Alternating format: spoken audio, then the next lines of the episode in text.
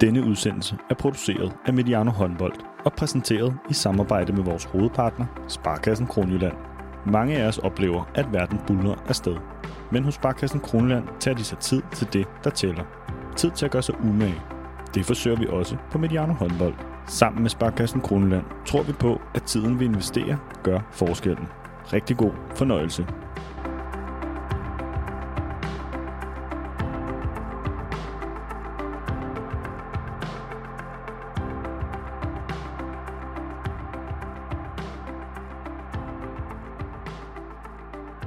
Velkommen til Mediano håndbold og vores syvende afsnit i serien, vi kalder Jagten på Sandheder.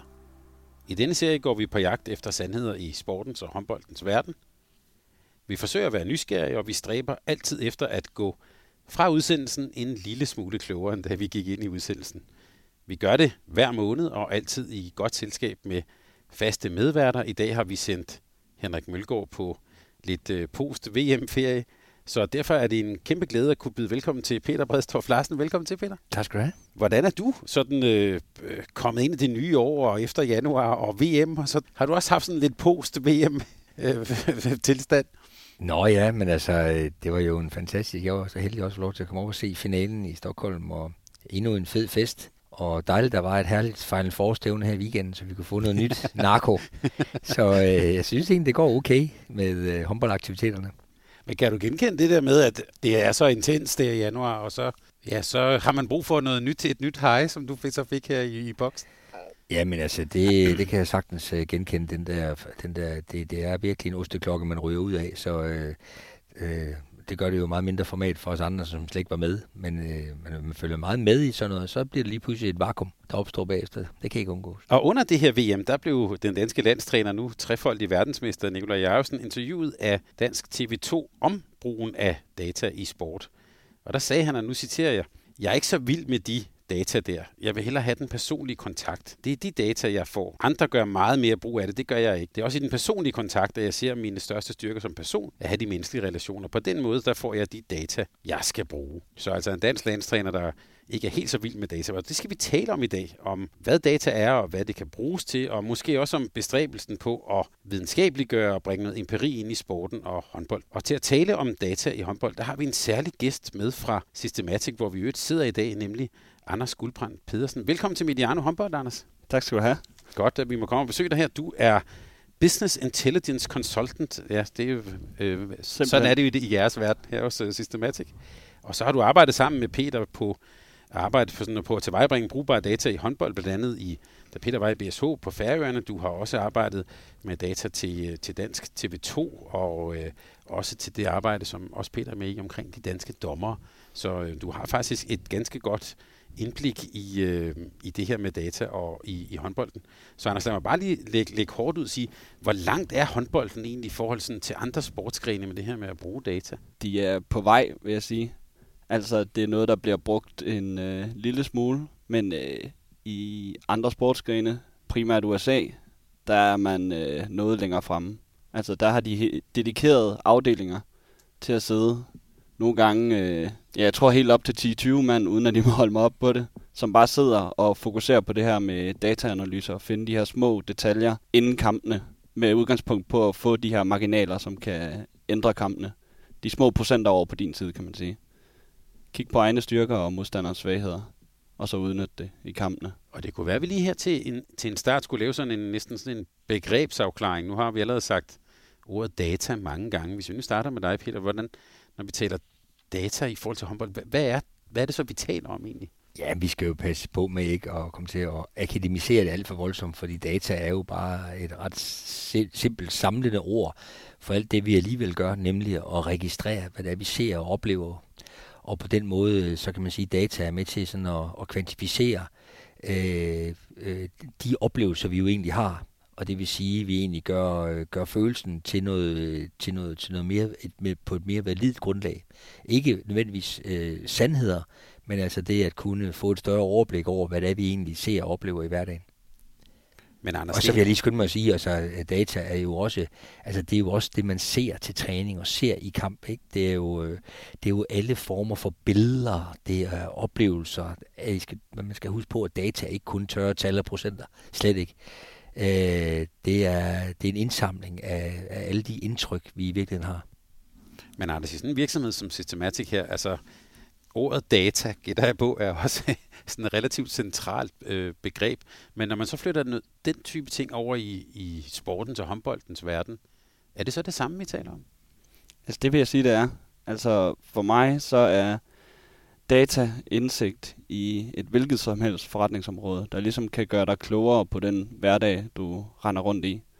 Og så er det lige meget, om det er, altså nu arbejder vi både med ældrepleje og coronaopsporing, øhm, og bibliotekssystemer i Systematic, og det er egentlig ligegyldigt, hvilket øh, område det ligesom er inden for. Så er data bare indsigt i den forretning, du nu har at gøre med. Og det kan man selvfølgelig også i håndbold, eller alle mulige andre sportsgrene. Det er en måde at simplificere mange gange alle de øh, informationer, som der jo er i sport og i håndbold og i alting, øh, og så få en computer til at, at hjælpe dig med at holde styr på det, fordi at nogle gange så er menneskets hjerne begrænset, når det kommer til sådan nogle ting. Jeg er ikke sikker på, at øh, der er nogen, der kan huske, hvor mange øh, fløjafslutninger en given fløjspiller har haft, og hvor mange af dem, der gik ind, når vi taler over 10 kampe eller to sæsoner. Og det der med at, øh, at arbejde med, nu sagde du, øh, ja, ældrepleje, coronaopsporing og så videre, men så det der med at arbejde så med, øh, med håndbold, hvordan har det været for dig at, at, at, at tage fat på det og dykke ned i håndbolden? Altså personligt har det været helt kanon, fordi at øh, jeg kan virkelig godt lide mit arbejde, og jeg kan lige, virkelig godt lide det her med at give folk indsigt i data, og så kan jeg også rigtig godt lide sport privat, så det er ligesom at få mulighed for at kombinere de to ting. Det har været øh, en super fed oplevelse for mig. Specielt det, øh, alt det, vi har lavet sammen med Peter, men også øh, samarbejdet med TV2 under EM-slutrunden for, ja, hvor lang tid er det siden? Et års tid siden. Et års tid siden, ja. Nu bliver jeg bare lige nysgerrig, vi skal nok komme tilbage til det, men øh, jeg tænker på håndbold som, øh, som sport. Altså, øh, der er jo den der dårlige øh, vidighed med, at det er en, en endeløs række af dødboldsituationer. Altså, det er jo sådan et spil, som der er jo lidt sådan stop and go i det i hvert fald, ikke? Mm. Øh, og, og spillet er også, øh, altså der er nogle, ofte i hvert fald nogle relativt tydelige faser og perioder og sådan. Er det, gør det det nemt eller svært at arbejde med håndbold? Øh, altså det her med gentagelser og dødboldsituationer, det, må, det gør det nemmere, vil jeg sige. Altså det kommer lidt an på, hvad vi, hvad vi taler om. Håndbold er meget intenst. Altså der sker øh, mange ting på små, små kvadratmeter. Så der er nogle ting, vi har også arbejdet med dommerkendelser. Det kan være komplekst. Men der er også nogle ting, der er, er simple. Eller simplere i hvert fald. Det kommer lidt an på, hvad man kigger efter. Ja, for jeg tænker også i modsætning, altså fodbold, større bane, flere aktører, eller det kan også være amerikansk fodbold. Mm. Hvordan tænker du om det, Peter? Er håndbolden nemmere egentlig at, at, at, at få skik på? End Ja, end for eksempel fodbold eller amerikansk fodbold. Nå ja. Jamen altså, øh, øh, håndbold og amerikansk fodbold, hvis vi skulle tage den sammenligning, så kan man sige, så minder det jo egentlig lidt om hinanden i forhold til, øh, at der er nogle analogier om det der med, at, øh, at det starter ud fra en, øh, en stop-situation. Ikke? Altså en, øh, en, en scoring eller noget andet, eller et kast, Ikke? Men, øh, men altså, lad os lige hurtigt blive enige om, at håndbold, det er jo øh, et crazy spil, ikke? fordi øh, der er så sindssygt mange vurderinger og marginale situationer set, og ja, bare fra et dommerperspektiv, men også fra et spillerperspektiv og et trænerperspektiv. Så det er, meget, det er en meget øh, kompleks sport faktisk, øh, med, meget, øh, med, med faser i spillet, som er så integreret i hinanden, at vi forskellen fra et angreb til et returløb, til et forsvar, til en kontra, jamen det er, det, det er faktisk svært at decifrere. Øh, det kan faktisk være svært at gå op i data, fordi hvornår startede det ene, og hvornår sluttede det andet. Så, så håndbold er også et meget komplekst spil med sindssygt mange vurderinger altså antallet af dommervurderinger i sådan, en i, i sådan en kamp, det er jo meget voldsomt. Og det gør jo ikke data mindre øh, interessant i forhold til at se, om vi kunne blive enige om noget. Altså ikke jagten på sandheden, apropos dagens øh, podcast, men altså jagtheden på sandheder. Altså at vi får en amøbe af nogle fælles forståelser om noget, vi da trods alt ikke kan diskutere. Men det er ikke ret meget, vi kan blive enige om sådan helt. For det afhænger lidt af perspektivet. Altså, hvor på banen stod du, da du så det, for eksempel bare. Ikke? Håndbold er død interessant, og det skal man altså kunne lide, det vi sidder og snakker om nu. For ellers så skal man jo hoppe over til dart eller skak. Der er tingene noget mere enkelt, øh, men jo også, synes vi, måske lidt mere kedeligt. Nu holder jeg lige fast i det, det der med at jagte sandheden. Altså, ja. der tænker du også på, at det noget af det, vi også har været inde på i, i tidligere afsnit, det der med at jagte det, det retfærdige, eller det rigtige. Ja. Eller, øhm, det og, findes ikke. Det findes jo ikke, og det skal vi lige huske. Altså sandheden og den virkelige virkelighed findes jo ikke. Og det er jo det, jeg jo altid skyder på. Lige så glad som jeg er for data og arbejde med data, lige så irriteret er jeg jo over var, for eksempel i fodbold. Ikke? Fordi det er netop er en jagt på en sandhed, som jo så ikke findes alligevel, når ham der fra Brentford alligevel fik et straffe mod Arsenal, eller hvad det nu var. Eller den der irriterende over, øh, øh, offside, der var for nylig for i Paris øh, mod øh, Bayern, hvor et, et helt stadion er lammet, inklusiv, jeg ved ikke hvor mange millioner af, af, af tv-serier, der bliver lammet i en 5 minutters periode. Man må ikke ærge sig, man må heller ikke glæde sig. Man står bare tilbage og venter, og så kommer der en kendelse, som handler om en armhule i en offside. Ikke? Så det vil sige, det er jagten på en sandhed, som så alligevel ikke findes. Og det er jo det er også det, vi skal huske øh, i snakken om data. Det er jo ikke en sandhed, men det er, som, øh, som Anders rigtigt fire siger, det kvalificerer dit arbejde. Det var, vil jeg sige, en meget god programerklæring for noget, det, vi skal tale om i udsendelsen her. Øh, de her udsendelser kan alt sammen lade sig gøre på grund af vores partner, Sparkassen Kroneland. De er med os hele året, og de tager sig tiden til at tale med dig i en tid med mange overvejelser og bekymringer. Er varmeregningen på vej igennem loftet, og har du overvejet, om du skal skifte din varmekilde ud med en billigere? Så tag en snak med din personlige rådgiver i Sparkassen Kronjylland, som kan hjælpe dig med at få det fulde overblik over din økonomi. Find os på sparkron.dk eller i en af vores afdelinger. Vi er tættere på, end du tror.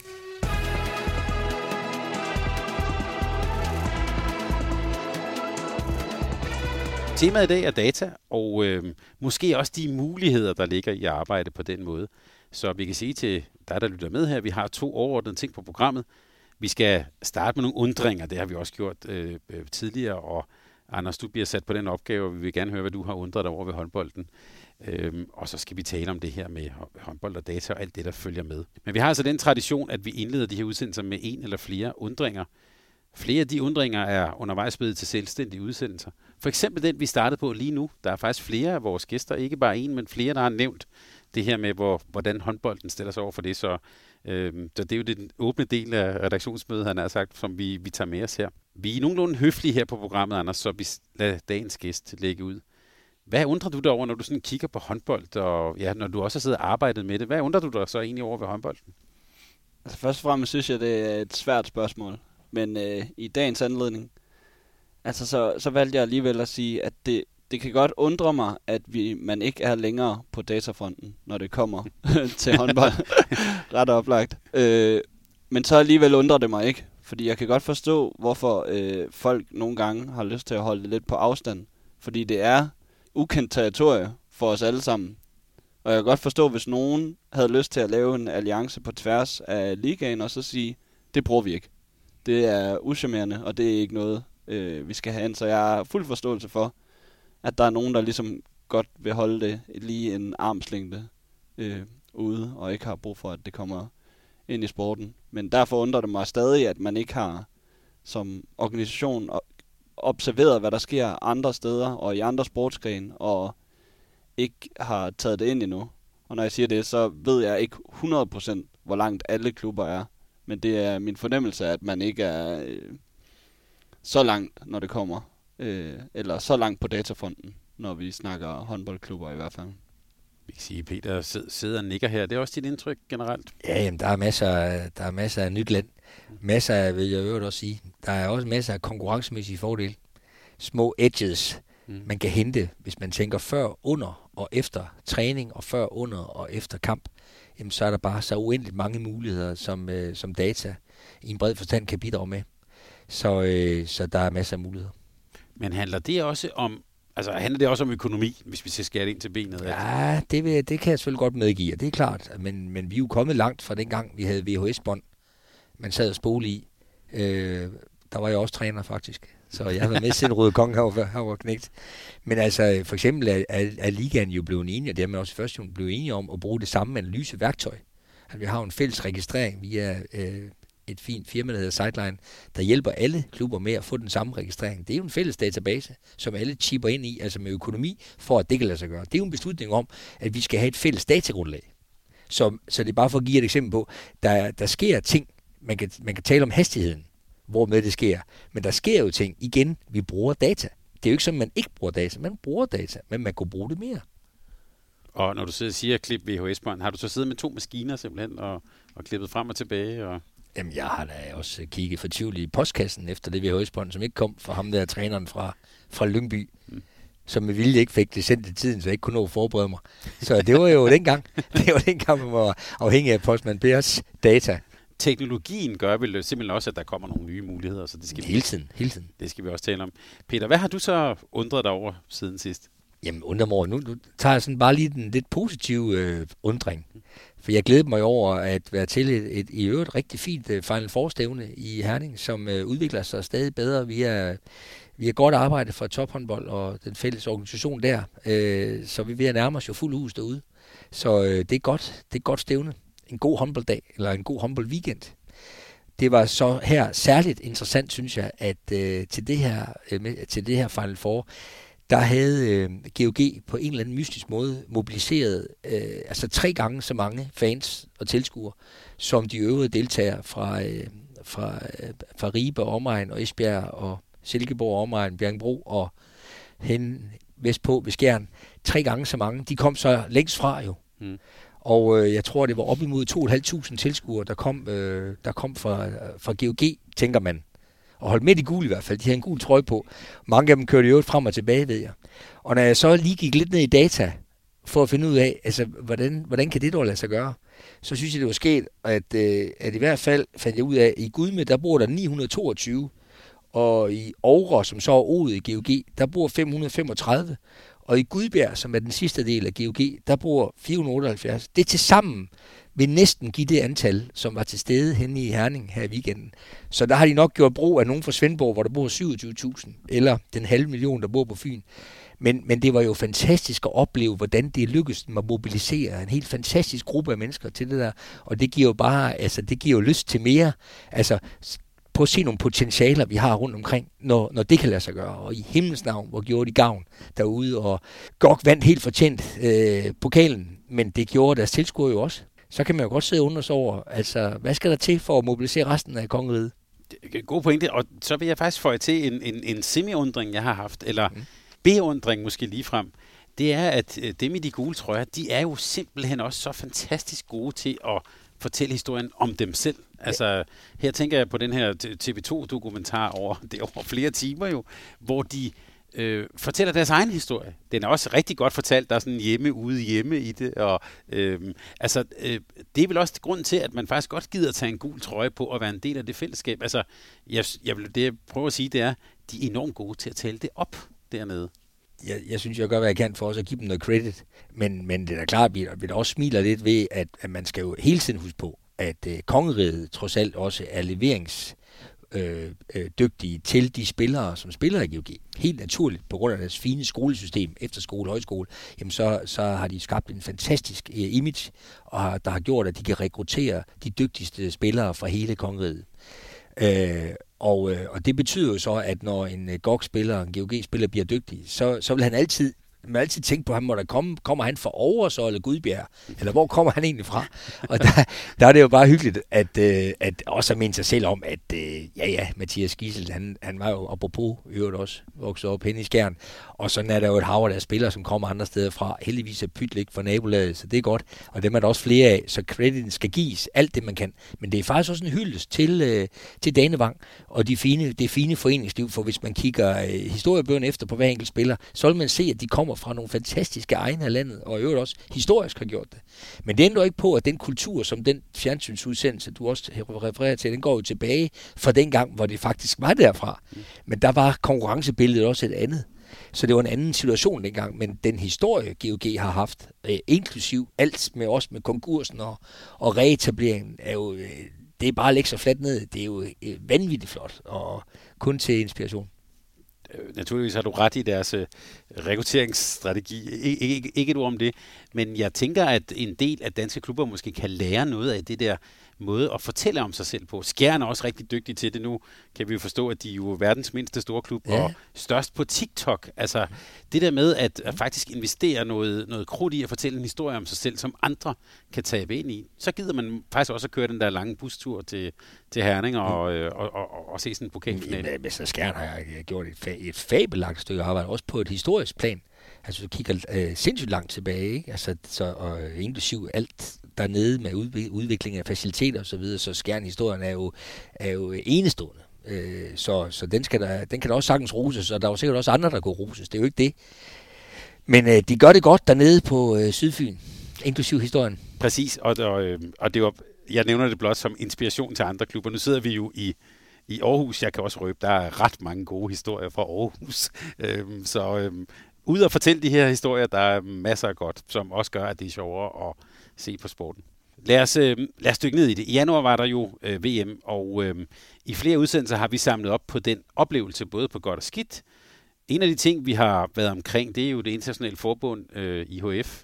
Det har vi talt om mange ting omkring, men en af de ting, som i hvert fald har været kritisk over, det er jo, at når man sad som ser og så VM, så hele det der statistik og hvem har scoret mål og sådan noget, øh, det var yderst mangelfuldt. Og jeg har jeg sad virkelig undret mig over det, for når man var til nogle af kampene, så var den hele den ene sidelinje var jo fyldt med lokker og, og alt sådan noget, men målscorer og assist og blokader, redning og så videre, de var ret vanskelige at finde sådan, øhm, øh, kan vi sige, præcise data på. Så Anders, lad os lige starte med sådan det rent metodiske. Man plejer jo at sige bullshit in, bullshit out, når man taler sådan om, øh, om, om data. Er, er håndbold en, en vanskelig sport at logge? Ja, vi plejer at kalde det garbage in, garbage out, men det er samme øh, koncept, altså skrald ind, skrald ud. Det kommer an på, hvad vi sammenligner med. Altså sport er jo generelt, øh, eller kan i hvert fald være øh, svært at lokke. Jeg tænker, øh, nogle, nogle ting, der kan vi måske endda også, selvom vi sidder og ser det samme, komme op og diskutere om, øh, øh, hvad der egentlig skete i en given situation. For eksempel en angrebsfejl. Altså der tror jeg, vi kunne sidde og kigge på den samme situation rigtig længe, og ikke blive enige om, om, øh, om der er angrebsfejl eller ej. Øh, men det kan lade sig gøre. Altså, jeg har svært ved, jeg, har, jeg ved godt, der sidder, øh, hvad hedder det, folk, der sidder, eller folk, der sidder og logger manuelt i hallerne, men jeg har altid tænkt, jeg aner ikke, hvordan de når det. Øh, og det må skulle gå rigtig stærkt, fordi det går stærkt i håndbold. Altså, du, øh, det er jo fra ende til ende på, på ingen tid, så du skal ikke, øh, altså, der er ikke tid til at snakke med naboen, hvis du sidder og registrerer en håndboldkamp i hånden vel og mærket. Hvordan har I så, når I har i jeres samarbejde, hvordan har I så grebet det andet der, eller hvordan har I gjort det der? Jamen, altså, vi har, jo, øh, vi har jo arbejdet med det garbage, der var. Hmm. eller det bullshit, der var. Og så har vi jo forsøgt at få det bedste ud af det. Øh, fordi vi har, jo ikke, vi har jo ikke registreret data. Det er jo ikke os, der har gjort det, eller Anders, der har gjort det. Vi har, vi har forsøgt at behandle data nænsomt. Men det er jo det data, vi, der er tilgængeligt. Så vi har forsøgt at se, om vi kunne øh, finde vores vej igennem det materiale inklusiv de øh, bekymringer, der kan være, som også Anders nævner, ikke? Det, er jo, det må vi prøve at forholde os til og tage højde for. Øh, så, så det er nok sådan, jeg skal sige det. Fordi det er, ikke, det er jo ikke nogen data, vi selv har lavet. Vi har bare behandlet data. Og det er jo også en del af historien. Men det der, og nu bliver det jo lidt på mavefornemmelse, det jeg spørger til Peter, men mm. det, det man får i, øh, man kan sige, dansk håndbold, mm. hvordan vil du vurdere sådan kvaliteten af det? Nej, men det er ikke så tosset.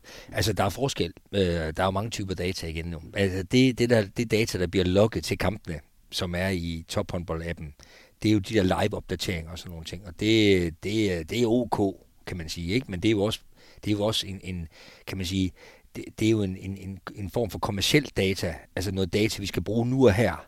Ikke? Det vil sige on demand. Øh, og, og det bliver en lille smule tilfældigt, for det, det er mennesker, og det ved jeg lidt om, hvem de logger er. Altså det er, det er, jo, ikke, det er jo ikke højt kvalificeret arbejdskraft, der er lønnet osv. osv. Altså det er mennesker, der, der, der har tid og lyst. Så, så der er ikke nogen særlige kvalifikationskrav til den øh, type logger. Og, og så er det helt rigtigt, som jeg siger, det går så stærkt, og for det uprøvede øje, der er det næsten umuligt at, at følge med. Klip til den type data, vi har brugt og anvender, det er, det er registreret data, hvor man sidder langt væk, faktisk nede i Boston, og genser kampen, og har tid til at spole tilbage og se, hvad der foregik, og så registrerer man ud for det. Og det er jo klart, det er jo et helt andet niveau, man selvfølgelig får på de data. Så ikke, at der ikke også der er nogle, øh, nogle fejlkilder. Det er der. Det er der vel i alt data. Det tror jeg, Anders kan hjælpe mig med. Det, det kommer ikke, man slipper udenom. Men, men øh, det er mere overskueligt med de data, vi har med. Det er bare lige for at varedeklarere de data, der er tilgængelige i dansk håndbold. Der er stor forskel. Der skal du lige være konkret. Sidder nede i Bosnien, altså Hvordan er arbejdsgangen der? Nå, men det er, det er Sideline, der har, øh, der har, øh, der har entreret, det bliver næsten, for, næsten for vidt, men entrerer altså med et øh, firma, som sørger for registrering. Registrering vil sige, det vil sige kortlægger de enkelte situationer, der er i kampene. De bliver kortlagt og registreret og lagt ind i en database. Den database er uoverskuelig for det menneskelige øje, særligt over mange kampe. Det er det, Anders han kan hjælpe med at, at, at, at kvalificere øh, via algoritmer osv. Så, videre. så så det er egentlig, men, men det er bare for at sige, det, det materiale er langt, langt bedre. Selvfølgelig er det det end, end det, det er ikke fordi, det kommer fra Bosnien, men det er mere fordi, de har tiden til det. Mm. Så, øh, så det var bare for at, og, altså, det data, vi snakkede om før, det er live data, der sidder og bliver logget, mens kampen foregår. Det er svært. Det vil for svært, være svært for os alle sammen. Og når I så øh, har for eksempel, hvis vi nu tager udgangspunkt i det her med, øh, øh, med din hjælp, det arbejde, du også laver med øh, på dommersiden, der kan jeg i hvert fald huske på hukommelsen, at der har været nogle ting som for eksempel antallet af kendelser og sådan. Er det, er det, øh, er det sådan noget specifikt, som Anders så dykker ned i og leder efter i den her store datamængde? Altså, man kan sige, det, det jeg er rigtig god til, det er ikke at anvende dataen. Altså, når mig og Peter arbejder sammen, så er det jo ham, der øh, øh, bestiller, stiller han de, gerne vil jeg have. stiller de dumme spørgsmål. Han stiller alle spørgsmålene, og så, øh, ligesom Peter snakker om før, så starter man med et udgangspunkt, der hedder nogle registreringer, altså nogle øh, kampe, videokampe, der er blevet splittet op i en masse små bidder, og så lægger vi noget struktur ned over det her, sådan så det kan svare på de spørgsmål, der bliver spurgt om, at hvem end der nu skal have svar på et eller andet, øh, når de har brug for det. Og i det her tilfælde, øh, så beder Peter om, altså nogle ting ligger også, der er det, der er det jo meget afhængigt af, hvad der er registreret. Og der kan jeg også nogle gange regne ud, hvad der er interessant, fordi så øh, antal kendelser, altså jeg ved ikke meget om håndbold, men jeg ved trods alt nok til, at øh, de her ting kunne måske være interessant at kigge på, men ellers så er det Peter, der ligesom er områdeeksperten, domæneeksperten, kald ham hvad I vil, som, øh, som siger, hvad det er, han gerne vil have kig på. Men altså lige i forhold til dommerne, der er det jo også nogle ting, der er ret simple. Altså for eksempel, øh, kan man sige, antallet af strafkast.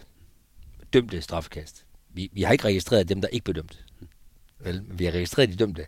Og det vil sige, at vi kan egentlig ret let her, uden at tage brøden af Anders' fine arbejde, så kan vi relativt let her øh, forklare, hvordan det ser ud. Og det Anders er knalddygtig til, det er at kunne forklare det over lang tid, over mange kampe.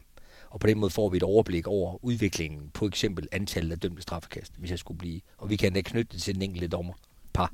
Mm. Og lave gennemsnit per kamp, sådan så du kan se, hvilke dommer, der dømmer mange straffekast i snit, og hvem der måske ligger i bunden. Og det kan man så bruge i arbejdet, og så gå ind og kigge på. Og det bliver brugt, og der kan også se forskel på dame- og herreliga. For eksempel, ikke? Er der forskel? Hvilke forskel? Dommerne kan bruge det som uh, inspiration og refleksion på, at hvis man har dømmer mange straffekast, eller dømmer færre straffekast. Bliver det kigget over en kamp? Nej, det vil være helt uh, urimeligt at se på forskelle på så, på så smalt et, et, et empirisk niveau. Men, men altså over mange kampe kan man se nogle tendenser, som, som, som, som, som altså kan være et, et læringsperspektiv. Både i forhold til at dømme mange, men også at dømme lidt. Altså når man adskiller sig fra, fra, fra medianen, kan man sige, ikke? Jamen, så begynder det selvfølgelig at, at give en lyst til, hvad bliver man jo interesseret i, hvad der foregår. Så, så på den måde bliver det brugt som inspiration. Igen, ikke en sandhed, men til inspiration. Men den faglighed, der, der er på spil her, det er så, øh, man kan sige, Peter, der spørger om noget, og du henter så svar. Er det sådan, man, man skal forstå det? Ja, det kan man Ja, godt. det er den. Så det kan er der nogle det gange, sker. så sker der, Anders han svarer tilbage og siger, "Det- har du tænkt på at? Eller noget andet. Mm. Mm. Det giver så, så flytter tingene sig stille og roligt. Ja, fordi man kan, i, i princippet kan man jo spørge om hvad som helst. Ja, det kan man. det kan man. Og jeg vil sige, de spørgsmål, øh, jeg stiller, nu bliver det mig, der stiller, det er jo også nu i relation til dommer. Ja, der har vi jo en elitetræner dommergruppe rent faktisk på tre med Martin Geding og Jørgen Møller Nielsen og mig. Vi sidder jo i den gruppe og diskuterer de her ting. Og det er jo også ud fra diskussioner, at de spørgsmål retter sig til andre. Så der er det vedtaget at antallet af straffekast. Det synes vi er så interessant. Men det er også i forhold til, hvad, hvad, hvad der er tilgængelige data. Nemlig. Der har jeg fundet ud af, at, at straffekast, den er god. Den kan vi bruge til noget. Både i forhold til, at vi kan få noget kvalificeret materiale, men vi kan også bruge det til udvikling af dommerne. Er der noget, du har undret over, han ikke har spurgt om? altså, altså, jeg tænker på... Øhm, Jeg har ellers stillet mange dumme spørgsmål. Ja, men altså, det, vi er lidt tilbage ved garbage in, garbage out. Peter er også lidt inde på det. Altså, du også... Øh, altså, du kan, vi kan jo ikke trylle. Når, altså, jeg kan ikke trylle. Så man er også begrænset af det data, der ligesom er registreret og til rådighed. Så vi har... Altså, jeg føler, vi har været ret godt igennem det sideline-data, der, var til, der har været til rådighed i den periode, vi ligesom har lavet det her. Og set, hvad der var af muligheder. Ikke kun på dommersiden, men også øh, til TV2 og til øh, Klubbro for Peter og ligesom øh, Men Altså jeg kan at lege med data. Ja. Jeg kan også sige den anden vej, altså for eksempel et element, som er stadig interessant, og også kunne sagtens kunne være det for nogle flere, synes jeg, det er pausen, altså i kampene mellem de to halvleje. Der har vi jo pausen, øh, som vi på en eller anden mærkelig måde skal få, skal få til at blive til noget godt, det der kvarters tid. Og der har det jo også været interessant at lege med data, fordi der kan, man faktisk, der kan jeg faktisk få ekstremt meget data. Men nu, nu, er det så, nu kommer udfordringen, at jeg kun har et kvarter. Så, så det har været interessant for mig for eksempel at arbejde med, hvad, hvad er det for noget data fra første halvleg, der kan på en, en eller anden fornuftig måde blive anvendt til at kunne gøre det bedre i anden halvleg. Så der her, du, her har du egentlig at gøre med en, en meget stor mængde data, du på en eller anden måde skal beslutte dig for at kigge på, på en bestemt måde, for at kunne få noget ud af det. Og det er igen ingen sandhed, men der er bare noget materiale, som det vil være dumt ikke trods alt at reflektere over, hvad kan det bruges til. Og, og bare for at være meget konkret der, altså, vi har det der kvarter, og hvis vi så tager lidt spildtid i enderne af, så har du måske været effektivt. Hvor meget har man i sådan en det kommer lidt an på, hvor langt vi har ind til omklædningsrummet og så videre. Men, øh, og spilleren skal jo også lige nå at have sved på panden for panden. Så jeg tror, jeg har arbejdet, med, at vi har nogle minutter til at komme til et møde i omklædningsrummet. Vi har også øh, nogle minutter til at skue fra det, for at være klar igen. Så vi har nok et vindue, der hedder 8-10 minutter. Hvad kan man nå der? Altså, hvad, hvad, hvad kan man nå? Jamen, det skal jeg jo ikke øh, være ham, der siger, hvad man kan. Men jeg synes, at man skal overveje, øh, hvad kan vi bruge de der 8-10 minutter til, hvis vi nu skulle bruge dem aller, allerbedst? Øh, hvad, hvad, kan vi, hvad kan vi inddrage af, vær, af værktøjer for at optimere de 8-10 minutter? Og det er jo igen ikke ud fra den sandhed. Men hvad nu, hvis vi for eksempel kunne blive klogere på, hvordan det egentlig gik i overtal i første halvleg? Vil det hjælpe os? Ja, det kan man jo forsøge at teste af, om det kan bidrage med noget til de anden halvleg, man så spiller. Det kan man over tid gøre op med data igen. Sige, at vi, øh, bliver vi dygtigere af det, vi går og arbejder med. Ikke? Og, og, så det er for at give et eksempel. Men der er jo ingen tvivl om, for mig er det bare lysten til at interessere sig for de 8-10 minutter. Og jeg har holdt mange taler, og også ene taler i omklædningsrummet. Og, og, og nogle af dem har der hjulpet, men, men det er da ikke alle. Så, så lysten til at prøve at blive klogere på at sige, hvordan kan jeg anvende dataen bedst muligt? Måske også i forskellige kontekster. Vi er bagud. Vi er foran. Vi har nogle spillere, som performer kæmpe godt. Vi har nogle spillere, der performer kæmpe dårligt. Hvad, hvad, hvordan kan jeg gøre noget godt de over 10 minutter? Skal vi holde op med at holde pause? Skal vi bare blive inde på gulvet? Altså alt er jo i spil, synes jeg, med henblik på at optimere sine forudsætninger for at kunne vinde anden halvleg. Og der synes jeg ikke, man skal forbigå chancen for at tænke i data. Og Anders, hvis vi lige flytter det delvist ud af håndboldens domæne, så er det jo også noget af det, I arbejder med her på Systematic. Altså jeg tænker på, der er den data, som vi, viser en hel sæson, for eksempel. Øh, og så er der det her, er, det er 30 minutter, det er næsten sådan real-time øh, data, man får der for noget, der lige er sket. Øh, Mm. Hvordan er forholdet der, eller hvad, hvilke sådan erfaringer har I med, og den, ja, det er jo forskellige typer af data, mængder i virkeligheden også. Altså, det kommer jo an på, hvilken... Be- altså, vi, vi arbejder tit med, at data skal være til rådighed øh, øh, til den rette person på det rette tidspunkt. Så det vil sige, i det her tilfælde, så øh, hvis man gerne vil bruge det i, i... Nu skal jeg til at kalde det halvlejende, men det må jeg ikke for Peter. Pausen. Hvis man gerne vil bruge det i pausen, så er man nødt til at have data tilgængeligt på det tidspunkt. Øh, og det kan, så kan der være nogle begrænsninger. For eksempel det data, vi arbejder med fra Bosnien. Øh, det var, der sad de jo og klippede videoer ned til de her små bidder, så det var sjovt nok ikke klar i halvlejen. Så der ville man have sgu noget Altså i pausen. i pausen. Så jeg halver igen. Så det, er, det er her gylden, her gyldendal. ja, hold nu op. Herkyld, øh, eller per pedant. Ja.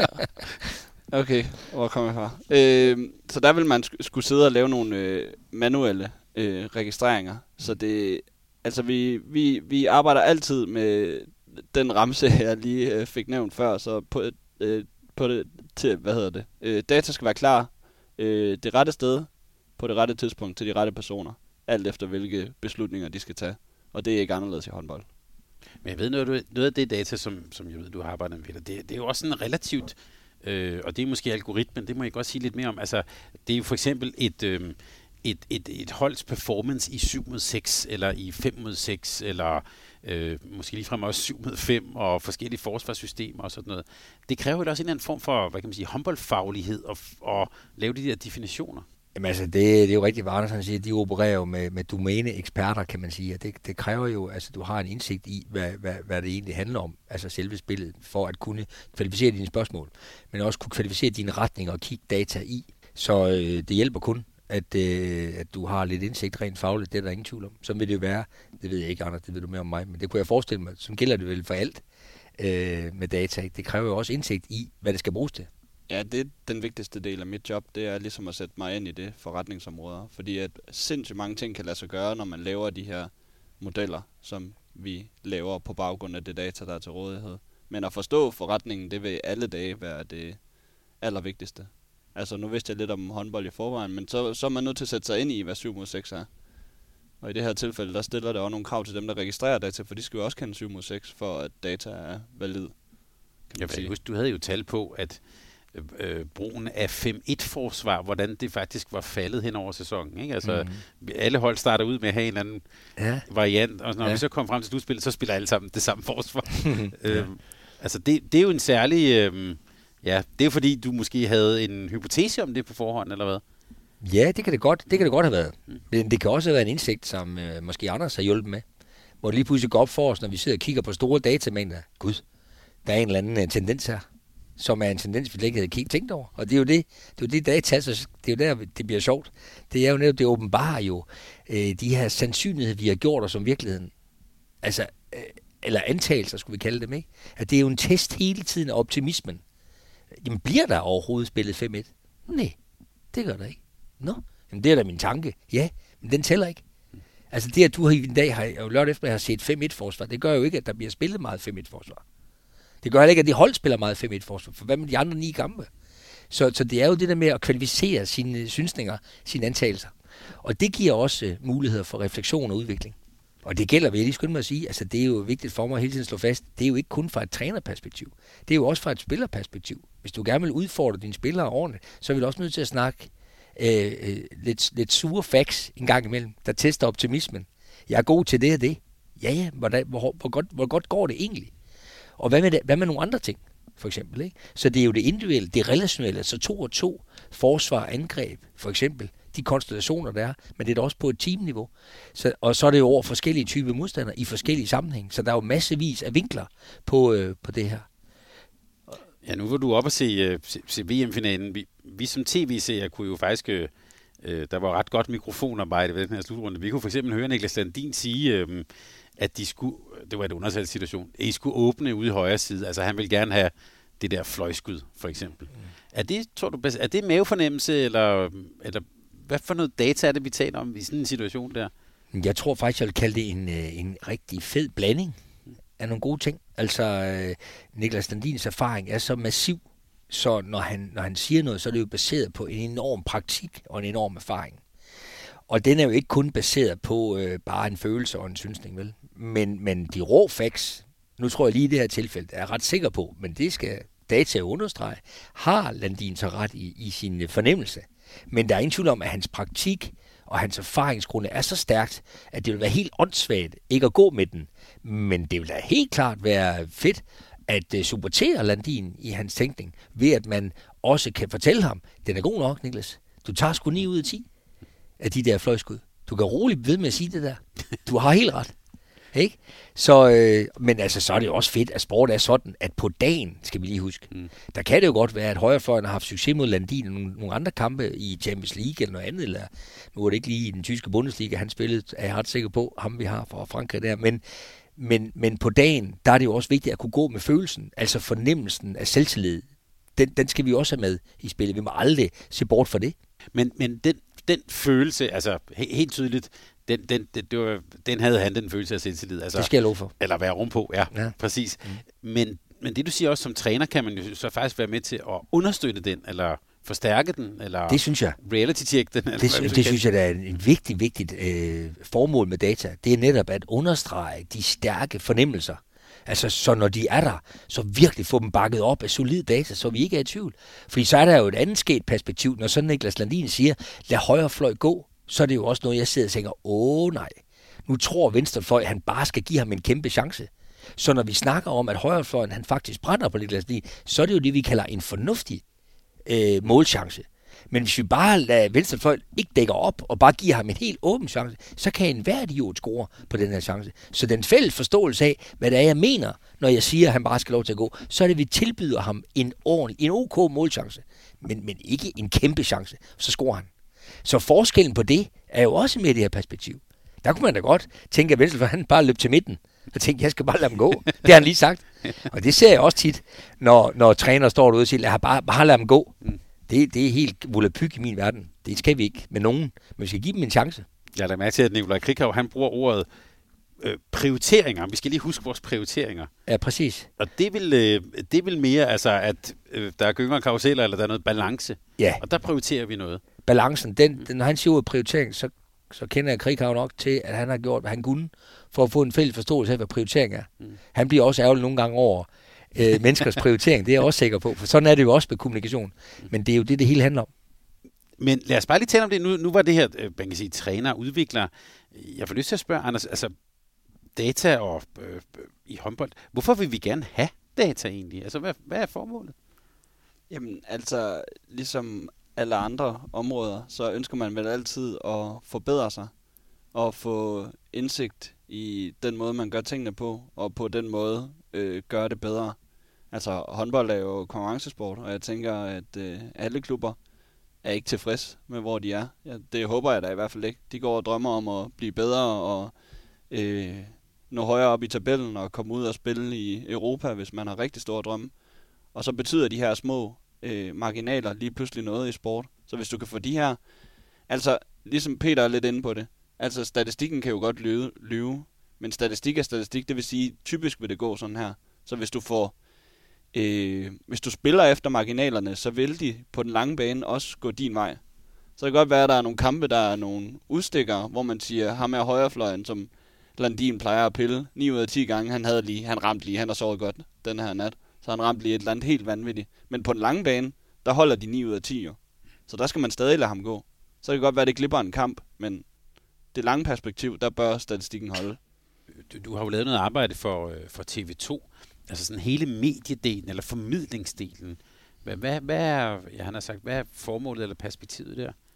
Altså, der er forskellige øh, perspektiver. Altså, det blev både brugt øh, før kampene, som sådan en optagsanalyse.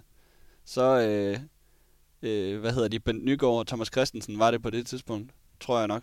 De øh, brugte det også i forbindelse med kommenteringen, så de havde nogle fakta, de ligesom kunne smide på, øh, for ligesom at støtte op omkring nogle af de ting, så det ikke er synsninger det hele. Men også i forbindelse med interviews, når du skal forholde dig kritisk til trænere og øh, spillere, så har du ligesom nogle øh, fakta, du kan sætte bag, eller, eller lægge bag øh, de spørgsmål, du stiller. Og det må også være rart for øh, spillere og trænere engang imellem, tænker jeg, at de ikke bare kan komme med alle deres synsninger, øh, men at der rent, øh, der ligger noget bag, altså noget faktuelt bag.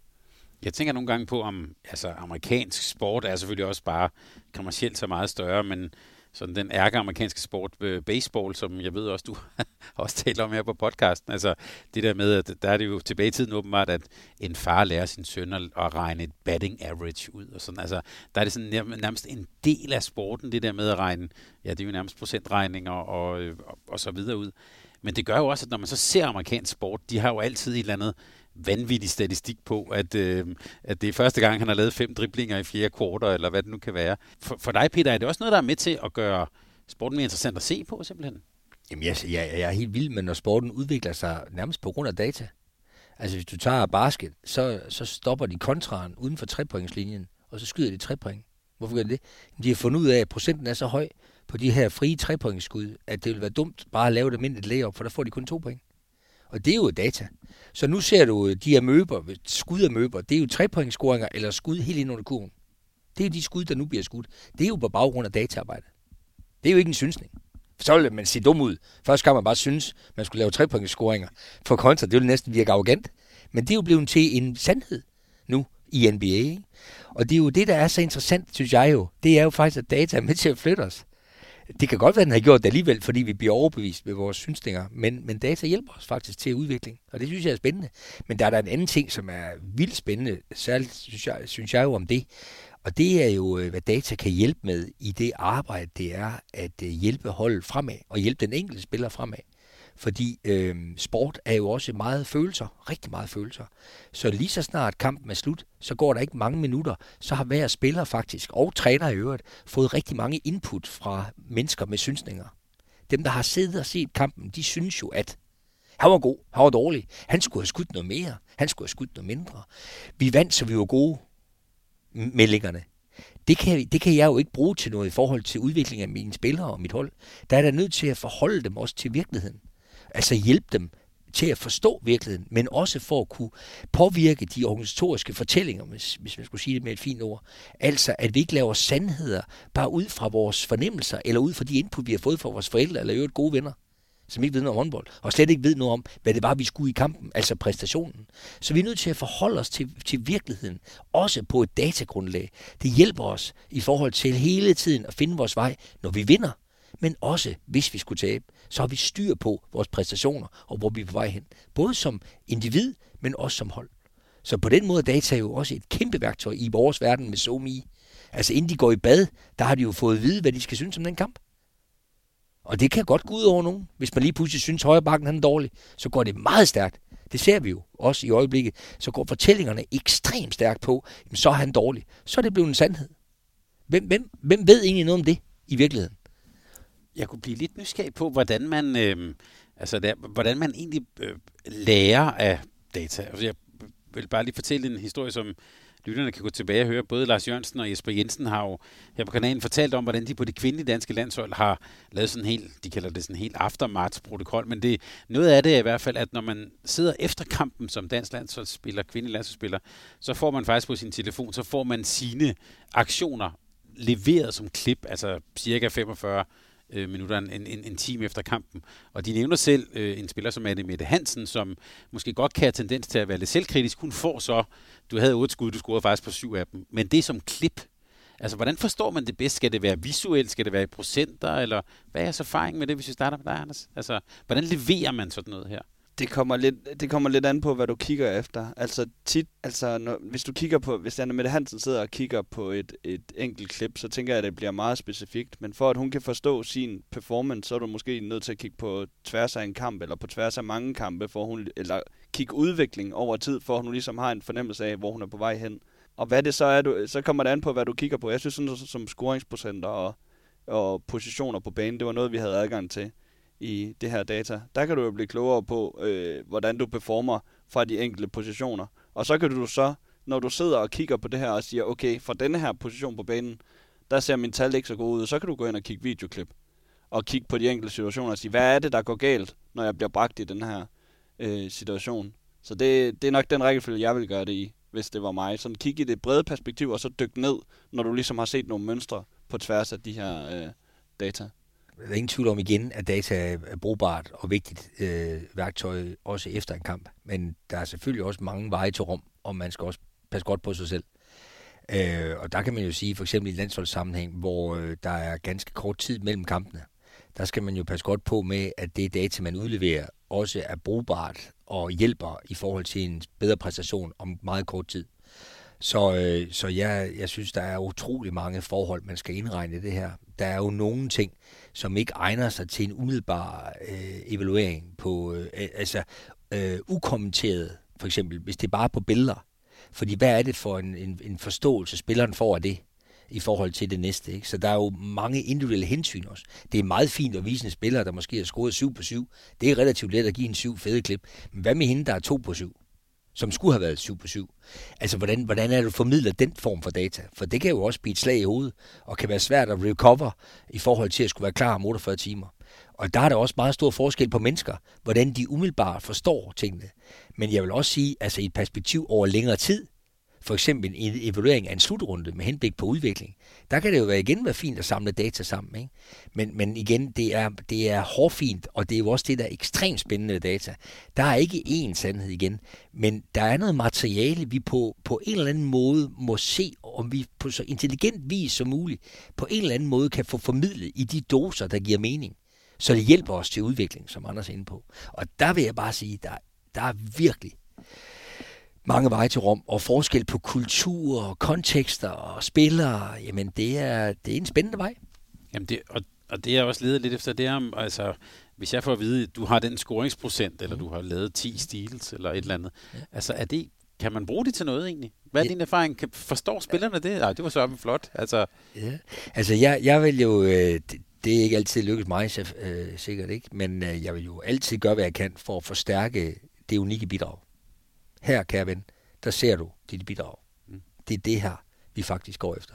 Så de billeder af det, jeg skal, den forventning, der er til mig, vil jeg altid gå efter som nummer et. Det vil jeg altid anbefale ind i en læringssamling. Det at opstille billeder om alt det, jeg ikke skulle, og det, jeg ikke gør, mm. det er ikke godt. Nu er vi tilbage ved den blå isbjørn.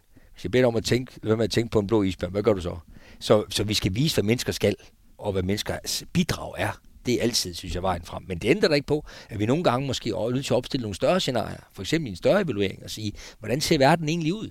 Altså, hvor meget af det, du gør, har ikke noget at gøre med det, du er ansat til. Det er vi da nødt til at kigge på. Og det gør man jo også i en salgsorganisation, og det gør man også inde på håndboldbanen, og nu er vi tilbage ved det, andre startede med. Det er jo på tværs af alle brancher.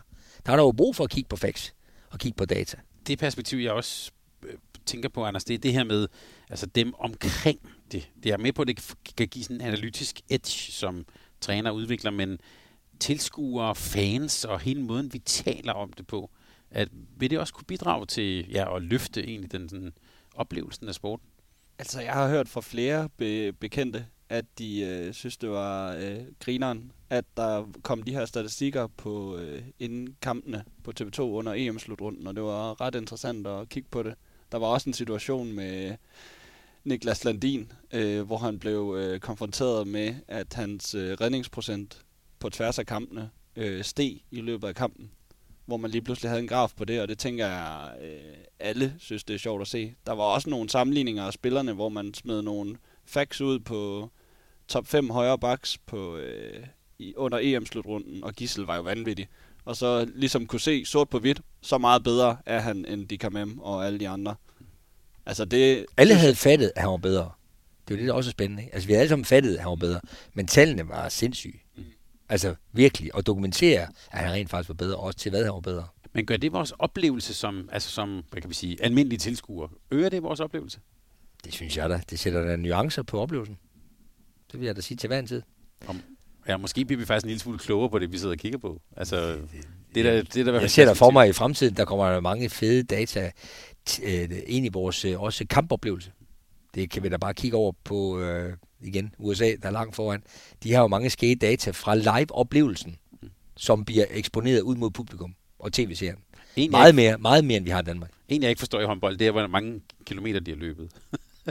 det, ja. Men det må være for, det er sådan en ja. fodboldting, de, ja. har, de har lagt ind. Men altså for eksempel det, at en stregspiller måske har 60 infights, og en fløj har en mm. i en kamp, ikke? det, det vil være, det tror jeg, man vil kunne dokumentere via data. Det er tæt på at være forhold, ikke? Altså sådan nogle ting er jo, at fortæller jo en historie om for meget forskellige arbejdsopgaver, for eksempel, ikke? Men skal man gøre den type ting live, det, det er jo svært. Altså, så skal der jo virkelig sidde nogen med... Nej, det tror jeg, Anders kan fortælle lidt om. Det tror jeg godt, vi kan her lige om lidt, når vi har noget AI. Skal vi hoppe til det med det samme? Mm. Altså, øh, fordi, fordi vi er jo også lidt... Øh, nu, nu, har, nu har vi åbnet den pose. Ja, det er fordi, du spurgte. men, men, og det er, fordi, øh, det er fordi, jeg snakker, nu snakker jeg jo live data. Ja. Altså data af det, der foregår lige nu. Vi skal ikke hente tur over Boston eller andre steder. Det er lige nu. Ja, fordi vi kan godt tage lidt fat på, altså... Øh, sådan som jeg også lidt hører jer, så kan man sige, vi er begyndt at åbne lidt en boks med en masse muligheder, og så altså efterhånden også som teknologien udvikler sig. Vi er VHS-båndet, og nu er, vi, nu er vi et godt stykke videre. Så det her øh, AI, altså Artificial Intelligence, det er jo noget, man taler meget om. Jeg har også læst artikler om det, men det er lidt, øh, alle taler om det. Hvad kan det egentlig så, Anders? Hvad, hvad er perspektivet i AI? Det er stort. Det er, der er stort potentiale. Altså, vi kan starte et sted, det er her jo allerede. Altså, din iPhone øh, kender dit ansigt. Det er AI, der gør, at øh, din telefon ved, at det er dit ansigt. Og på samme måde kan AI bruges, det er i hvert fald en af måderne, bruges i håndbold. Hvis du kan lære en computer at lave de her registreringer, som vi sad og snakkede om, at der sad nogle bosnier øh, og lavede efter kampen, så kan du jo lave det live, hvis den lige pludselig kan genkende, at spiller nummer, nu skal jeg tænke mig om, 24 for Danmark, det er Mikkel Hansen, og han kastede fra den her position af banen. Det var en aflevering, det kunne jeg se, fordi bolden slap hans hånd, det har den lært at kende over til Gissel, så får du, altså så kan du, så kan de her ting blive registreret live af en computer, fordi den er øh, ofte noget hurtigere end vi er. Og, og, og han har sagt, hvor langt er vi fra den? Altså, jeg, jeg sidder og tænker på alt sådan noget chatbots og sådan noget. Det, det, det begynder jo at, at være her. Øhm, Altså, der er mange, der vil få det til at lyde som om, at vi er rigtig langt, men jeg tror på, at specielt i USA, der, der har de øh, knækket den.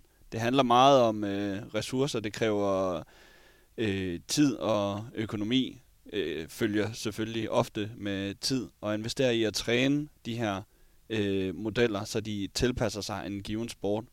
Det vil sige, det er nogle af de samme koncepter, du bruger på tværs af sportsgrenen, men hvis du skulle lave det, så skulle du ligesom lave en, en øh, model, der var specifik til håndbold.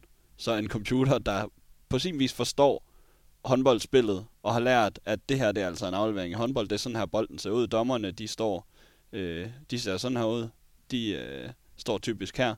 Øh, så den ligesom har mulighed for at genkende alle de her ting. Det er i hvert fald en af de steder, AI vil kunne spille ind i håndboldsporten, og, og gøre, at de her registreringer vil være øh, kunne være tilgængelige i halvlejen, og du vil kunne lave mange flere registreringer, end du kan i dag, fordi at det er jo bare, igen, hvad, hvad har du lært computeren, og har du lært den det godt nok? Og, og, og Peter, hvis vi så bare tager, altså, vi gætter på, at håndbold er ikke der, hvor det kommer først af, af sportens størrelse taget i betragtning. Men hvis vi nu bare tager sådan nogle drømmebriller på, hvad kunne du så godt tænke dig, at man så kunne få ud af det, sådan, hvis vi tænker på perspektivet i AI? Nå, men jeg synes jo, det der med, at vi kommer tættere på real time også, det, det synes jeg, der er noget af det mest spændende, fordi jeg er vant til, at data det er noget, vi må sidde og kigge lidt på bagefter. Så det der med at få integreret data ind i, i, i kampoplevelsen, det synes jeg er dødspændende. Altså nu, øh, vi har trods alt mange øh, indbyggede faktisk pauser i en håndboldkamp, hvis man skulle blive ved den sport. Ikke? Altså timeouts og, og, og selve pausen mellem de to halvleje er jo nogle solide om, øh, tidspunkter at kunne gøre noget øh, på baggrund af data, for eksempel. Og så kan man jo også få input undervejs fra data. Altså, øh, hvis du ser amerikansk fodboldkamp, så jeg ved ikke, jeg tror, der sidder en 15-17 mand op under vældningerne og rapporterer ind, øh, hvad der foregår. Og det er jo et kæmpe input til, øh, til trænerstaben. Så øh, der ligger bare mange muligheder i de her ting. Vi har set håndboldens, vil jeg sige, fattigmandsversion af det. det er, vi har set nogle gange nogen have en Airpod i, i det ene øre. Mm. Kun, kunne du godt tænke dig at have sådan en mand siddende, eller ikke 17, nu siger vi bare en eller to, siddende op, der kunne give dig noget input undervejs i en kamp? Jamen altså, jeg har faktisk været med til, til mange forskellige ting. Altså, jeg har jo arbejdet meget med, med live, øh, live øh, klip, altså til pausen. Og det er jo, kan jo kun kunne lade sig gøre via gode folks hjælp. Så, øh, så det, det synes jeg er lidt spændende. Altså, ting skal jo også øh, på en eller anden måde øh, øh, læres. Og, øh, og det at have nogen, nogen i øret, der skal man jo stille og roligt finde ud af, hvordan skal det så være? Fordi øh, det, det vil jeg have det svært ved en at sidde og snakke hele tiden jo. Ja. det, vil være, det vil være stærkt stressende, men det er jo igen det her med at finde ud af, hvordan kan jeg så bruge data altså i, på en eller anden fornuftig måde. Ikke? Øh, så det skal jo aftales på forhånd eller arbejdes med. Hvordan kan vi bruge hinanden på en god måde? Men det kan jo være nogle opmærksomheder, nogle særlige opmærksomheder. Vi øh, vil gerne have nogle ekstra øjne på modstanderens øh, udskiftningsfrekvenser og måden, der bliver skiftet ud på. Men så, øh, så er mine øjne ikke rettet på det længere. Nu har jeg en mand til kun at sidde og kigge på det. Så får jeg input om det. Så er der nogen, der siger, det behøver man jo få input, det var bare kigge. Nå ja, okay. Men nu har jeg jo så mulighed for at bruge mine ressourcer på nogle andre ting. Mm. Og der skal man jo som træner og som hold finde sin egen måde at arbejde på, på bedst mulig måde. For eksempel har jeg altid nyt godt af et sindssygt godt markerskab med, øh, nu i de sidste mange år, med min marker Lars Møller omkring, øh, og også øh, vores målmandstræner Tom Jensen, øh, i forhold til en udskiftning af målmand. Fordi at, øh, det ved jeg godt, hvor meget det kan blive på mavefornemmelsen. Og den, øh, den går altså ikke kun, fordi der kan du lige nu komme til at synes, at øh, han står langt bedre eller langt ringere, end han burde, eller under normale omstændigheder ville have gjort. Og der er jeg nødt til at bruge data til at få hjælp til min mavefornemmelse, fordi lige præcis målmanden er et område, der kan give en enorm ærgelse jo. Satans! Den, den, den, den type skud vidste vi godt, vi gerne ville have, men den blev ikke reddet, agtigt. Så øh, opbakning til at kunne foretage sig nogle dispositioner på den position, har jeg altid skulle bruge hjælp til. Meget hjælp til. For ellers så ved jeg, at det kommer til at blive for meget på følelsen. Og det er ikke altid godt. Altså bare for at være helt konkret. Der kommer nogle skud, som I faktisk gerne vil have, og som han måske burde have taget, eller det gør han ikke godt. Så, så er mavefornemmelsen for en træner, vi skifter ham ud. Ja. Og så er det meget rart at lige at have en, der sidder ved sådan her lige... Ja, men så, så man kan sige på, at det var, det var to på en halvleg. Ja. Nå, gud, var det det? Det gjorde mere næs. I hovedet, der, i, i hovedet, der føles som 10. Det kan det faktisk gøre, ikke? Det kan også være, at øh, de fem sidste fem scoringer, det har været på kontra. Helt åbne chancer. hvor sandsynligheden for, at han redder den, er meget lille. Det må ikke fylde øh, mere, end det gør. Altså, det var fem mål. Det var stadig ikke muligt for at tage den, men det var trods alt fem vanskelige skud. Ikke? Men, men det er jo en lang historie. Det er bare for at give et eksempel på, at her er et område, som jeg i hvert fald har nyt godt af support på. Ikke? Og sådan vil det være forskelligt fra træner til træner. Men bare at sige, at man ikke skal bruge det, det er det, jeg sådan har så lidt imod. Altså, der er jo hjælp at hente. Men er det en, du brugte også tidligere, helt i starten af samtalen, det der med, hvad kan man sige, ak- akademiseringen af sporten, eller altså det der med, at vi gerne vil have evidens ind i noget, som måske er meget en levende organisme, sådan en kamp der. Er det, prøver vi, prøver vi, er det fordi, vi prøver at forstå noget, som ellers er svært at forstå, eller hvorfor er det, vi gerne vil... Jamen, det er da klart, altså det er jo et kaotisk spil, og vi vil, gerne, øh, vi vil jo gerne prøve at forstå mere af det, og, og, og, men altså det, det hele handler om, det var det, Anders har nævnt tidligere, altså vi, det er jo for at finde de marginaler, der kan bringe os, øh, bringe os et stykke videre. Og så er min oplevelse faktisk også, at mange spillere øh, har også gavn af det, netop for at give dem mere ro i forhold til det, vi går og laver øh, det, giver, det giver nogle bedre forudsætninger for at kunne toppræstere. Det er, at der er ro omkring tingene, at der ikke er uro, at, at vi har godt styr på, hvad vi foretager os. Det, det mener jeg er et fantastisk grundlag for kreativitet. Og for at spille inspireret, det er faktisk også, at man har styr på sine, øh, på sin facts. Så øh, øh, det må ikke tage følelsen væk på dagen. Altså højrefløjen kan jo spille outstanding. Det må man jo ikke være blind for, og den mulighed skal være til stede. Det må man ikke bare afvise på grund af data. Øh, så det skal der være plads til. Men, øh, så det er ud af et kontinuum, hvor man altså må arbejde. Anders, i dit perspektiv, hvad er barriererne for at tage de der, hvad kan man sige, næste skridt? Er det simpelthen et spørgsmål om økonomi? Det er i hvert fald en af dem.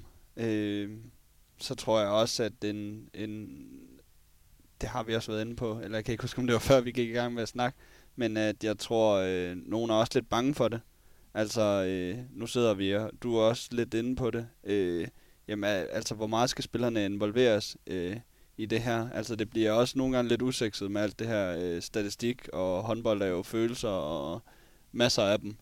Øh, så jeg kunne forestille mig, at der er mange, der er bange for, at det skal ind og øh, tage beslutninger, og at øh, data lige pludselig skal være træner for en håndboldklub, og det er jo slet ikke det, det skal være. Det skal bare være et, øh, et redskab, en ekstra assistenttræner, som ligesom kan pege dig i nogle retninger, du måske var opmærksom på, eller øh, måske også øh, ikke lige havde fået med, øh, som du så kan kigge på, og så kan du som træner tage stilling til, om det er vigtigt eller ej. Det er jo stadig dit job. Du vil sige, shit, deres venstrefløj, han scorede mange, sidst vi mødte dem, de sidste fire kampe. Altså, er det noget, vi skal være opmærksom på, eller var der en god grund til det? Der er jo sådan et, et lidt, jeg ved ikke, et forkædret begreb. I fodbolden, der tager de meget det her XG, Expected Goals. Og det ved jeg, øh, det har Jesper Jensen også fortalt om her, øh, det har de arbejdet lidt med i Team Danmark. Det er baseret på nogle zoner, øh, og så sk- øh, sådan scoringsprocenter over rigtig mange kampe i nogle særlige zoner. Øh, expected goals i håndbold, Peter, hvordan ser du det? Jamen, øh, jeg, jeg synes, øh, det, det er et super fedt begreb. Altså, jeg kan bare godt lide at tænke på det som noget meget individuelt. Mm. Fordi expected goals for mig er ikke det samme som for dig. Så derfor skal jeg have mine egne expected goals, fordi jeg har mine kompetencer. Så, så hvis mine kompetencer rækker til at kunne score for 10 meter, jamen så er expected goals jo øh, på 10 meter. Men jeg kan jo godt være en spiller, som er bedst for 6 meter, fordi jeg har nogle gode gennembrud. Så vil expected goals for mig jo ikke være 10 meter. Det vil være for 6 meter. Så, så jeg ser expected goals som mega spændende i forhold til det individuelle. Det er jo lige præcis det, vi i virkeligheden gerne vil. Det er jo at sætte hinanden i spil i de unikke situationer. De unikke situationer forstået på den måde. Her, hvor jeg har den største sandsynlighed for at lykkes. Så når det sker, så har jeg også en fed expected goals, både på individuel plan, men også på kollektivt niveau. Og det er der, hvor expected goals, det, det, det gør lidt nas, fordi den er, den er taget fra fodbold, hvor, hvor man måske mere kan tale lidt om, om zoner på banen, hvor jeg oplever håndboldspillere være så sindssygt forskellige faktisk. Altså, der er nogen, der kan noget i nogle situationer, som andre ikke kan. Og det er også det, der gør det så unikt nogle gange, at sætte det, at sætte det rigtigt sammen, når det lykkes, så får vi det maksimalt ud af hinanden. Så expected goals, mega spændende. Og selvfølgelig skal du kunne stå inden for dine egne expected goals. Altså, du kan jo ikke bare skyde i vilden sky. Altså, vi må jo have en fornuftig chance for, at det lykkes. Og vi må også evaluere på det en gang imellem, både som spiller, men også som hold. Men er der ikke den ironi, nu startede vi ja, med det her citat fra Nikolaj Jacobsen, at han vil, selvom øh, det kan godt være, at han ikke er så meget på den her type data, vi har talt om her, han handler jo også rigtig meget om, det handler om for Mathias Gissel, hvis vi bare tager ham som et eksempel. Han skal i den situation, en mod en mod ham i den zone, så ved vi, så bliver der mål eller straffekast, eller han får lavet et godt viderespil. det er vel lige præcis det, det egentlig også er, eller hvad? Det er en, det er en beslutning, der, der i virkeligheden er taget på rå data. Ja. Men nu er den bare så vanvittig, øh, øh, hvad kan man sige, i øjnefaldene, at vi behøver ikke øh, evidens. Man kan godt nøjes med følelsen, ikke? for nu har vi set det så mange tusind gange. Så det her var jo et godt eksempel på en selvfølgelighed. Men, men jeg vil stadigvæk løfte pegefingeren en lille smule, ikke?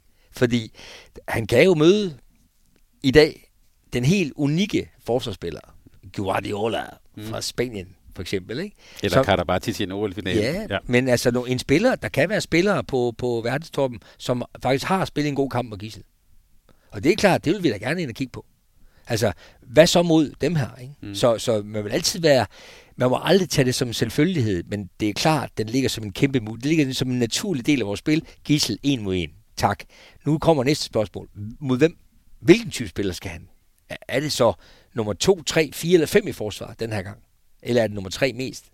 Eller hvad når de skifter ud? Så der kommer mange overvejelser med det, som man godt kunne bruge data til at hjælpe en. Men altså, vi er enige om, at den her, den er så... Øh, den, men, den det, er, men det er jo tit sådan, vi hører sådan en håndbold timeout, det har du også hørt, Anders, altså, hvor, man, hvor, hvor træneren så siger, øh, måske kalder en eller anden åbning, og så siger vi så, at du skal ned og ramme ham der, eller ned i det rum, eller sådan. Altså, det er vel også, hvordan man har læst det. Ja. Øh. Og det er det, der er, er baseret på, på, øh, på taktisk forståelse, synsning og følelser, erfaringer, praktik, men også måske rå data. Her til allersidst, øh, så vil jeg bare bede jer om at kigge ind i, ind i krystalkuglen. Vi kan starte med dig, Anders. Hvad, hvad ser du som, som det næste, vi skal om jeg så må sige, i gang med på det her område?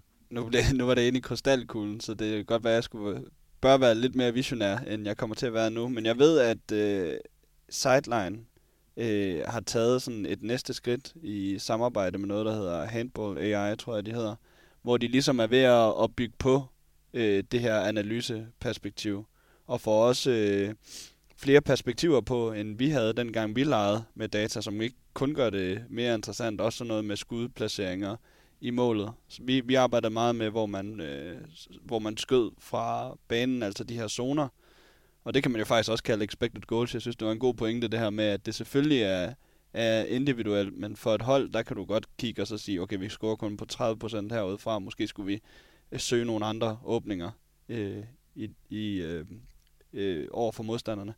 Øh, men jeg tænker, at det kommer mere og mere øh, ind i klubberne. Altså, de vil vel alle sammen vinde. Så hvis det, det bliver en mulighed, og det er øh, til en overkommelig pris, så tror jeg, at, øh, at vi vil se det mere og mere stille og roligt. Altså det plejer jo at starte, alting plejer, mange ting plejer jo at starte i USA, og så kommer det lige så stille over til os. Vi lader lige, lad lige dem tage det første move og så følger vi efter lidt på bagkant. Hvad ser du som det næste ind i din krystalkugle, Peter? Nej, det, jeg er på helt på bølgelængden med Anders her. Altså det, det, det er den det AI-teknologi, den, den ser jeg også for mig vil hjælpe på tingene. Altså der, der, kan vi komme, der kan vi komme videre. Der kan vi tage nogle kvantespring. Øh, så den, den, den, den ligger jo lige rundt om hjørnet. Men altså, øh, jeg ser også, at, øh, at, at, at flere sports øh, virksomheder vil, øh, vil, vil prioritere øh, altså ressourcer til formålet. Anerkende, at, at det er på linje med, øh, vi har før snakket om ugeplanen, ikke? Altså, hvor, hvor der er fysisk træning på ugeplanen. Ja, mental træning, øh, datatræning. Altså, det bliver, det bliver en integreret del af ugeplanen øh, på et højere niveau end der nu.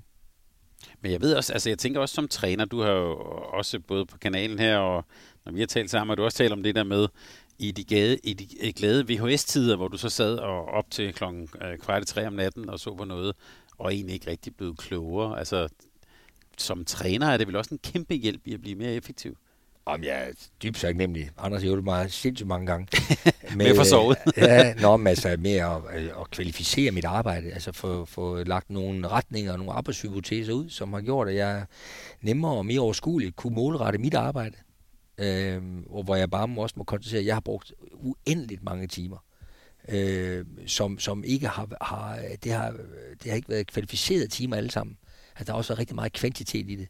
Så det at bruge data, det hjælper bare på at, at faktisk at gøre dit job som træner øh, øh både nemmere og jeg vil også sige mere kvalificeret. Så nu har jeg set det bare kryds 80 gange, så, øh, så er jeg forberedt. ja. ja. Ja, der vil jeg lige tilføje til min krystalkugle, mm. at det tror jeg er det første sted, vi sådan for alvor ser det. Det er det her til at spare tid på at kigge video. Mm. Så at du på tværs af en masse videoer ligesom bliver opmærksom på, øh, hvor er der nogle udstikkere. Altså hvor er nogle øh, steder, vi har været enten rigtig gode eller rigtig dårlige, sådan som man ved, hvad det er for nogle specifikke situationer i kampene, eller i de specifikke videoer, som man skal kigge på, og dermed spare en masse tid og slippe for at se alle kampe, man har spillet igennem mod et given hold. Men måske lige pege den her kamp ud, hvor det gik rigtig dårligt, og den her, hvor det gik rigtig godt, og så tage de gode ting med fra den gode kamp, og de fjerne de dårlige fra den. Jeg håber da også, at man i, øh, i sportsledelser vil tage det mere til sig. Netop fordi det er jo, uh, sportsforretninger bliver jo altså drevet rigtig meget på følelsen. Og det vil da klæde unavngivende ledere rundt omkring, at man altså tilegnede sig noget viden via data, som gjorde, at man kvalificerede den respons og feedback, man giver til både øh, træner og hold og spillere. Det vil også øh, pynt øh, på det hele og give meget mere ro i dagligdagen over, hvordan det går med tingene. Så det ikke er if, buts and maybes, men absolut øh, i højere grad. Det vil også være godt. Det vil også være fint for den enkelte spiller at interessere sig mere for det over lang tid. Hvordan er det egentlig, det går med det, jeg går og arbejder med? Ikke bare, at jeg synes, det går godt, men hvad går, det? hvad går egentlig godt? Og hvor er mine muligheder som spiller? Det synes jeg nogle gange har været enormt berigende, når det lykkes nogle spillere, faktisk også med hjælp med data, at blive klogere og blive inspireret til at løfte sine egne, øh, sine egne kompetencer. Jeg har jo på i en samtale med Rasmus Bøjsen her for nylig lavet et kontinuum, hvor vi har Øh, Brentford fodbold i den ene ende, altså hvor Thomas Frank kan stå og sige, at vi ligger tredje sidste i Premier League, men det øh, expected goal siger, at vi skulle ligge nummer 10, så alt er godt, mm. og det viser også at være rigtigt. Og så i den anden ende har du så det kroatiske håndboldforbund, som altså hystader for, mm. hvor du bliver fyret for et godt ord. Altså. Det er et godt eksempel. Altså der kan man sige, hele Thomas Franks modellen, og som jo er båret også af af modellen i, i, i Midtjylland for eksempel, ikke? Altså, hvor, man, hvor man kigger meget dybt ind i, i jeg tror virkelig på, øh, på, på præstationerne som, som retningsgivende for de langtidsholdbare resultater. Det er, det, er, det er et rigtig godt eksempel med Thomas Frank, det er jeg slet ikke i tvivl om. Og apropos Midtjylland, så er der en virkelig interessant TED-talk. Nu kan jeg ikke huske, hvad deres gamle direktør hed, men hvor han lavede en analyse af Newcastle. Ja, Rasmus, en, det er Rasmus Ankersen, gamle nemlig, formand. Mm. Ja, og en Newcastle-træneren. Hvor de blev mm. nummer 5 og nogle øh, sportsbætter havde kigget på deres præstationer og sagt, jamen altså, de havde virkelig marginalerne på deres side i den sæson. Og de valgte så, ledelsen valgte her, på baggrund af den her femteplads, at give en helt kontroversiel øh, 9-årig kontrakt, ubrydelig kontrakt, tror jeg det var, mm. til træneren. Og så næste sæson, der blev de nummer 16, tror jeg det var. og alle sad på sådan, de forstod det ikke. Det var samme træner, mm. det var samme hold, det var men, samme ledelse, samme stab, alt var det samme. Men angriberen, hvis jeg lige må tilføje, angriberen, han røg tilbage på den sandsynlige expected goals. Nemlig? Han havde overperformet i en grad, hvor han havde scoret på det umulige. Mm. Og nu røg han tilbage til almindeligheden. Altså det, man kunne forvente fra ham. Det gav... Øh... Så han gjorde det faktisk meget godt. Ja, han gjorde det ok. Men nu gav det, nu gav det sådan en 14. plads, eller meget nu var, ikke? Og på tværs af de to sæsoner, så var deres præstation helt øh, ens. De havde bare overperformet og scoret. Altså deres fordeling af deres mål havde været perfekt. De havde en målscore på plus 5, hvilket var markant lavere end alle de andre klubber omkring dem. De havde bare fået de der marginalscoringer på deres side lige i den sæson. Og så kunne man se i sæsonen efter, der holder passer pengene ikke, og så havde de en 9-årig kontrakt med en træner. Og det er det, data hjælper ind til, det er, at man ikke øh, ryger til himlen over en sejr, men man ryger heller ikke i graven over et nederlag. Man bliver inde i et fornuftigt præstationsniveau, altså, øh, hvor man kan arbejde kontinuerligt med sine præstationer, fordi vi har styr på, hvad der er op og ned. Vi prøver i hvert fald at få styr på det. Anders og Peter, tak fordi at øh, vi måtte besøge her og få det her perspektiv. Jeg øh, ser for mig øh, AI og alt muligt her i, i, den, i den kommende tid, og måske også en, både at vi bliver lidt klogere, men også at som ser, at det bliver en, en bedre oplevelse. Tak fordi I ville øh, berige os med det. Selv tak. Selv tak. Og, og tak for dig, der har lyttet med. Tak til Sparkassen Grundland for at gøre alt det her muligt. Vi er tilbage igen om en måneds tid. I må meget gerne blive ved med at sende undringer og kommentarer osv. Vi er glade for dem alle, og som dagens afsnit øh, åbenbart, så, øh, så bruger vi det rent faktisk også til noget. Tusind tak, fordi du lyttede med. Tak fordi du lyttede til en podcast fra Mediano Håndbold. Hvis du kunne lide udsendelsen, så husk at abonnere på Mediano Håndbold, der hvor du hører din podcast. Så får du den seneste udsendelse serveret direkte til dig. Du må gerne fortælle dine venner om os, og husk at følge os på Facebook, Twitter og Instagram. Mediano håndbold kan lade sig gøre på grund af Sparkassen Kronjylland. De er med Mediano håndbold og det kvindelige danske landshold. Tak fordi du lyttede med.